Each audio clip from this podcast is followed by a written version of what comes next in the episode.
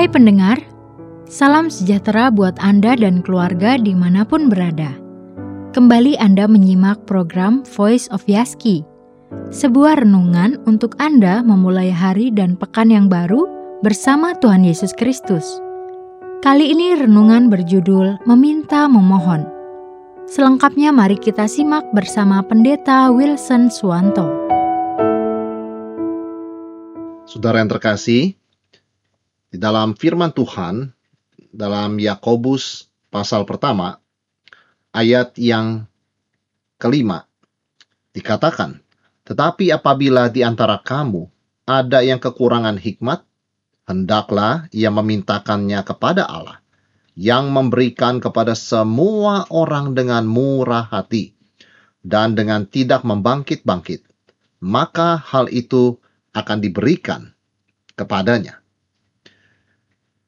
Pertanyaannya adalah mengapa firman Tuhan mendorong kita untuk meminta hikmat dari Tuhan. Berdasarkan teks firman yang kita baca, ada beberapa alasan. Yang pertama, kita meminta hikmat kepada Tuhan karena Tuhan suka memberi. Tuhan adalah Tuhan yang suka dan selalu memberi. Itu sebabnya kita menerima segala kelimpahan, bahkan ketika kita masih belum mengenal Tuhan Yesus, kita masih hidup di luar anugerah Tuhan, kita tetap menikmati, merasakan berkat-berkat Tuhan di dalam kehidupan ini. Dan itu karena Tuhan sangat suka memberi. Sehingga firman Tuhan mengatakan, tetapi apabila di antara kamu ada yang kekurangan hikmat, hendaklah ia memintakannya kepada Allah yang memberikan kepada semua orang. Itulah sifat Allah. Itulah sifat Tuhan. Dia suka memberi. Dan itu sebabnya juga dikatakan berbahagialah, lebih berbahagia orang yang memberi daripada menerima. Karena memang memberi adalah sifat Tuhan. Tuhan suka memberi. Yang kedua, Tuhan adalah sumber hikmat. Kita meminta hikmat kepada Tuhan karena kita menyadari kita ini kurang berhikmat. Dan hikmat diperlukan di dalam mengambil setiap keputusan dalam langkah hidup kita. Dan Tuhan adalah sumber hikmat. Artinya, dia tahu yang terbaik, dia tahu tempat yang terbaik, dia tahu momentum yang terbaik, dia tahu waktu yang terbaik, dia tahu cara yang terbaik. Hikmat itu berarti berbicara mengenai kualitas yang terbaik di tengah begitu banyaknya pilihan. Bagaimana mungkin kita bisa mengambil keputusan dengan yang terbaik untuk setiap keputusan yang membutuhkan begitu banyak pemikiran, perenungan, analisa dari begitu banyaknya option atau pilihan. Kita perlu hikmat dari Tuhan. Karena hanya Tuhan tahu yang terbaik dan memberi yang terbaik. Dan berikutnya, kenapa kita minta hikmat dari Tuhan? Karena ketika Tuhan memberi, dia memberi dengan berlimpah kepada semua orang. Tuhan tidak pelit, Tuhan tidak kikir, Tuhan tidak memberi pas-pasan, dan Tuhan memberikan dengan murah hati kepada semua orang. Artinya, Tuhan tidak melihat apakah yang meminta ini berpendidikan tinggi atau rendah. Tuhan juga tidak melihat apakah yang meminta ini berharta banyak atau sedikit. Tuhan juga tidak melihat apakah yang meminta ini terkenal atau tidak. Bahkan Tuhan tidak melihat apakah yang meminta ini layak atau tidak. Karena kita tahu bahwa Tuhan memberikan dengan murah hati. Dengan penuh berlimpah. Tidak pas-pasan. Dan itu alasan yang ketiga. Alasan yang keempat, mengapa firman Tuhan mendorong kita untuk meminta hikmat kepada Tuhan karena Tuhan memberikan dengan tulus. Tanpa membangkit-bangkit, tanpa mempermalukan kita di depan umum. Kita tahu ada sifat-sifat manusia yang ketika dia memberi, dia membangkit-bangkit, dia mengungkit-ungkit, dia mengutip-ngutip bagaimana dia sudah banyak sekali memberi. Tidak demikian dengan Tuhan. Tuhan memberi tanpa membangkit-bangkit, tanpa mencari-cari kesalahan. Tuhan memberi dengan murah hati. Inilah pemberian dari Tuhan. Pemberian yang terbaik, pemberian yang adalah anugerah Tuhan, kemurahan Tuhan semata-mata kepada kita yang tidak layak menerimanya. Dan alasan yang kelima, mengapa firman Tuhan menganjurkan kita meminta hikmat kepada Tuhan? Karena Tuhan pasti akan memberi. Ayat ini adalah sebuah janji. Barang siapa kekurangan hikmat, tetapi apabila di antara kamu ada yang kekurangan hikmat, hendaklah ia memintakannya kepada Allah yang memberikan kepada semua orang dengan murah hati dan dengan tidak membangkit-bangkit. Maka hal itu akan diberikan kepadanya. Jadi ini sebuah janji yang mengandung kepastian. Ketika kita kurang hikmat, kita menyadari hal ini, kita meminta kepada Tuhan, Tuhan pasti memberikan. Contoh yang paling jelas adalah Salomo ketika dia mewarisi tahta ayahnya Daud. Dia datang menghadap Tuhan dan berkata, Tuhan, aku anak yang tidak berpengalaman. Aku tidak tahu apa-apa. Engkau mempercayakan kepadaku tahta Daud, ayahku, hambamu.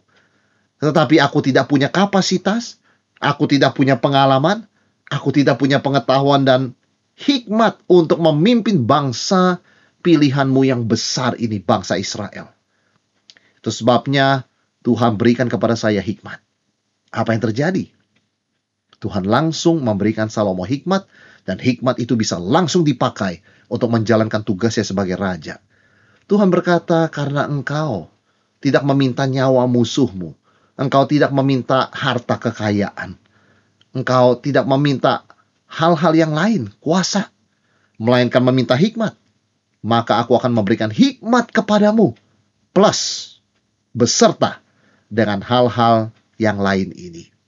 Memang benar, ketika seseorang punya hikmat dari Tuhan, dia bisa menghandle, dia bisa menguasai kekuasaan, menggunakannya untuk kebaikan. Ketika seseorang mendapat hikmat dari Tuhan, dia bisa menggunakan harta kekayaan dengan berhikmat, dengan baik, untuk tujuan yang memuliakan Tuhan. Sebaliknya tanpa hikmat, kuasa, dan harta itu bisa menjadi sebuah senjata yang sangat berbahaya dan destruktif, menghancurkan kehidupan banyak orang. Itu sebabnya Tuhan memberikan kepada Salomo yang paling penting yang dia minta, yaitu hikmat. Dan karena hikmat itulah membuka kunci bagi berkat-berkat lainnya. Sehingga Tuhan mempercayakan kepada Salomo kuasa, perdamaian, bahkan harta dan kepintaran, dan relasi yang baik dengan kerajaan-kerajaan di sekitar Israel. Ini alasan mengapa kita meminta hikmat dari Tuhan. Karena kita kurang hikmat. Apabila seseorang, apabila di antara kamu ada yang kekurangan hikmat, seorang yang berhikmat selalu menyadari bahwa dia kurang hikmat. Itu sebabnya dia tidak akan merasa dirinya pintar, lalu mengandalkan pengertiannya sendiri, melainkan dia akan menyadari bahwa dia ini tidak berhikmat, kurang berhikmat, dan dia bergantung kepada Tuhan, mohon hikmat dari Tuhan. Belajar dengan rendah hati setiap pengalaman, setiap kebenaran yang Tuhan berikan kepadanya.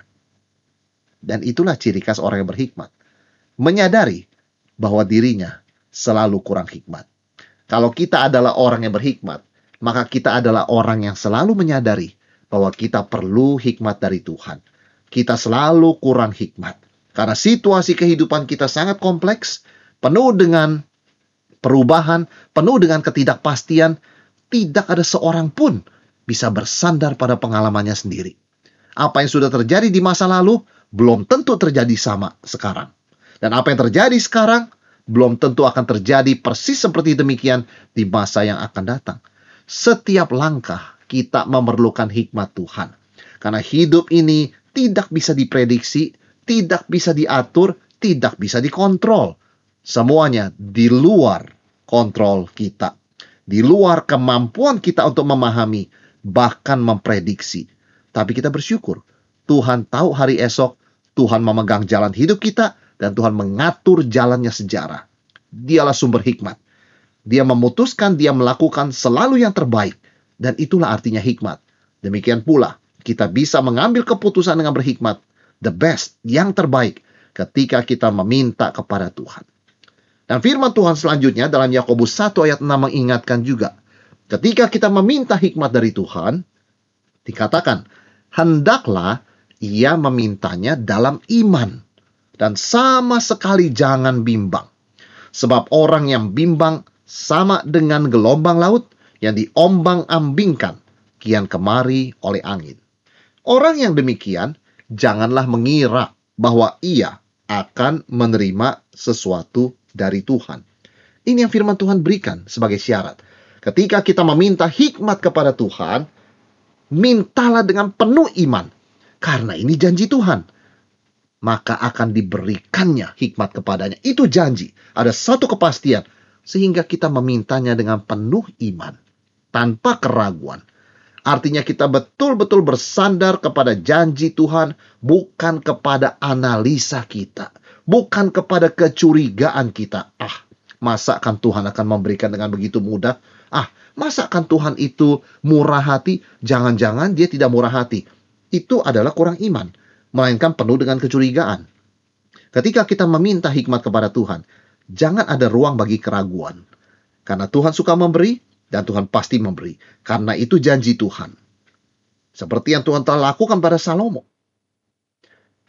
Itu sebabnya kita meminta hikmat kepada Tuhan dengan iman. Dan mengapa? Mengapa harus dengan iman? Karena ya firman Tuhan mengatakan, orang yang bimbang sama dengan gelombang laut yang diombang-ambingkan kian kemari oleh angin. Jadi alasan pertama mengapa kita meminta hikmat, berdoa kepada Tuhan dengan iman, adalah karena kalau kita ragu-ragu, kita akan digoncangkan, digoyang ke sana kemari oleh angin. Kita tidak stabil. Sebentar percaya, sebentar tidak, sebentar percaya lagi. Artinya kita tidak sungguh berakar di dalam firman Tuhan, tidak sungguh memegang teguh janji Tuhan, tidak beriman penuh kepadanya, kita tidak mungkin bertumbuh apalagi melihat buahnya. Orang demikian janganlah mengira bahwa ia akan menerima sesuatu dari Tuhan. Itu sebabnya kita meminta dengan iman. Kita berdoa karena ada janji Tuhan. Jadi asumsinya kita berdoa kepada Tuhan karena kita percaya. Ketika kita berdoa namun kita meragukan Tuhan, maka tindakan itu adalah meniadakan satu dengan yang lain. Karena doa berdasarkan iman. Sehingga ketika doa dinaikkan tanpa iman, itu adalah sebuah kontradiksi tidak akan ada hasilnya. Tidak akan ada hasilnya. Sama seperti seseorang mencampurkan pupuk yang bisa menyuburkan tanaman dengan racun yang bisa mematikan tanaman. Apa hasilnya? Tidak akan ada hasilnya. Bahkan tanaman itu itu akan mati. Jadi jangan sampai kita tidak waspada. Jangan sampai kita meremehkan atau meragukan Tuhan. Karena ketika kita meragukan Tuhan dan terus dibiarkan, iman kita akan semakin lemah dan sukacita pengharapan kita pun lenyap. Bukannya berarti dalam perjalanan kita mengikut Tuhan kita tidak boleh bertanya atau tidak punya pertanyaan atau tidak pernah mengalami goncangan, tentu kita mengalami semua itu. Perjalanan iman adalah perjalanan menempuh akan badai kehidupan dan tentu kapal yang kita naiki ini bisa tergoncang ke sana kemari. Tapi justru itulah karena kita tahu hidup penuh dengan ketidakpastian. Kita perlu pegangan yang pasti dan kuat. Dan tidak boleh sekali-kali melepaskan pegangan itu. Yaitu janji Tuhan sendiri. Di ayat 8 dikatakan sebab orang yang mendua hati tidak akan tenang di dalam hidupnya. Mendua hati artinya bukan sekedar seseorang itu punya pertanyaan atau goncang, tetapi sebuah kebiasaan tidak berserah penuh kepada Tuhan. Selalu menyediakan jalan keluar berdasarkan hikmatnya sendiri. Sehingga Tuhan hanya menjadi salah satu pilihan. Dan ketika dirasa tidak mendatangkan keuntungan, maka dengan cepat orang tersebut beralih kepada rencananya dan melupakan Tuhan. Orang demikian adalah orang yang mendua hati. Dia tidak akan stabil, tidak akan berakar, tidak akan tenang, tidak akan bertumbuh di dalam hidupnya. Tidak akan menerima apa pun dari Tuhan. Doanya pun tidak membawa hasil apa-apa. Selanjutnya, firman Tuhan dari Yakobus 1 ayat 9 dikatakan, Baiklah saudara yang berada dalam keadaan yang rendah, bermegah karena kedudukannya yang tinggi.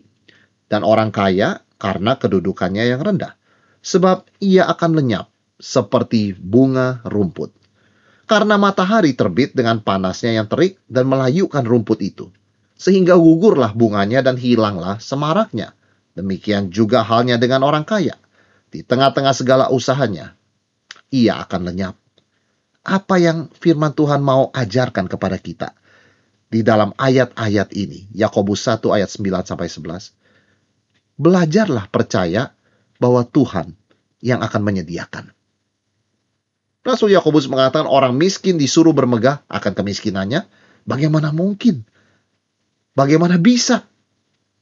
Tetapi maksud dari firman Tuhan adalah ketika kita menyadari kita tidak punya cukup, kita akan lebih mudah berpikir tentang minta tolong kepada Tuhan. Karena kita sadar kita kurang. Sama seperti tadi dikatakan ketika seseorang menyadari kekurangan hikmat, hendaklah dia meminta kepada Tuhan.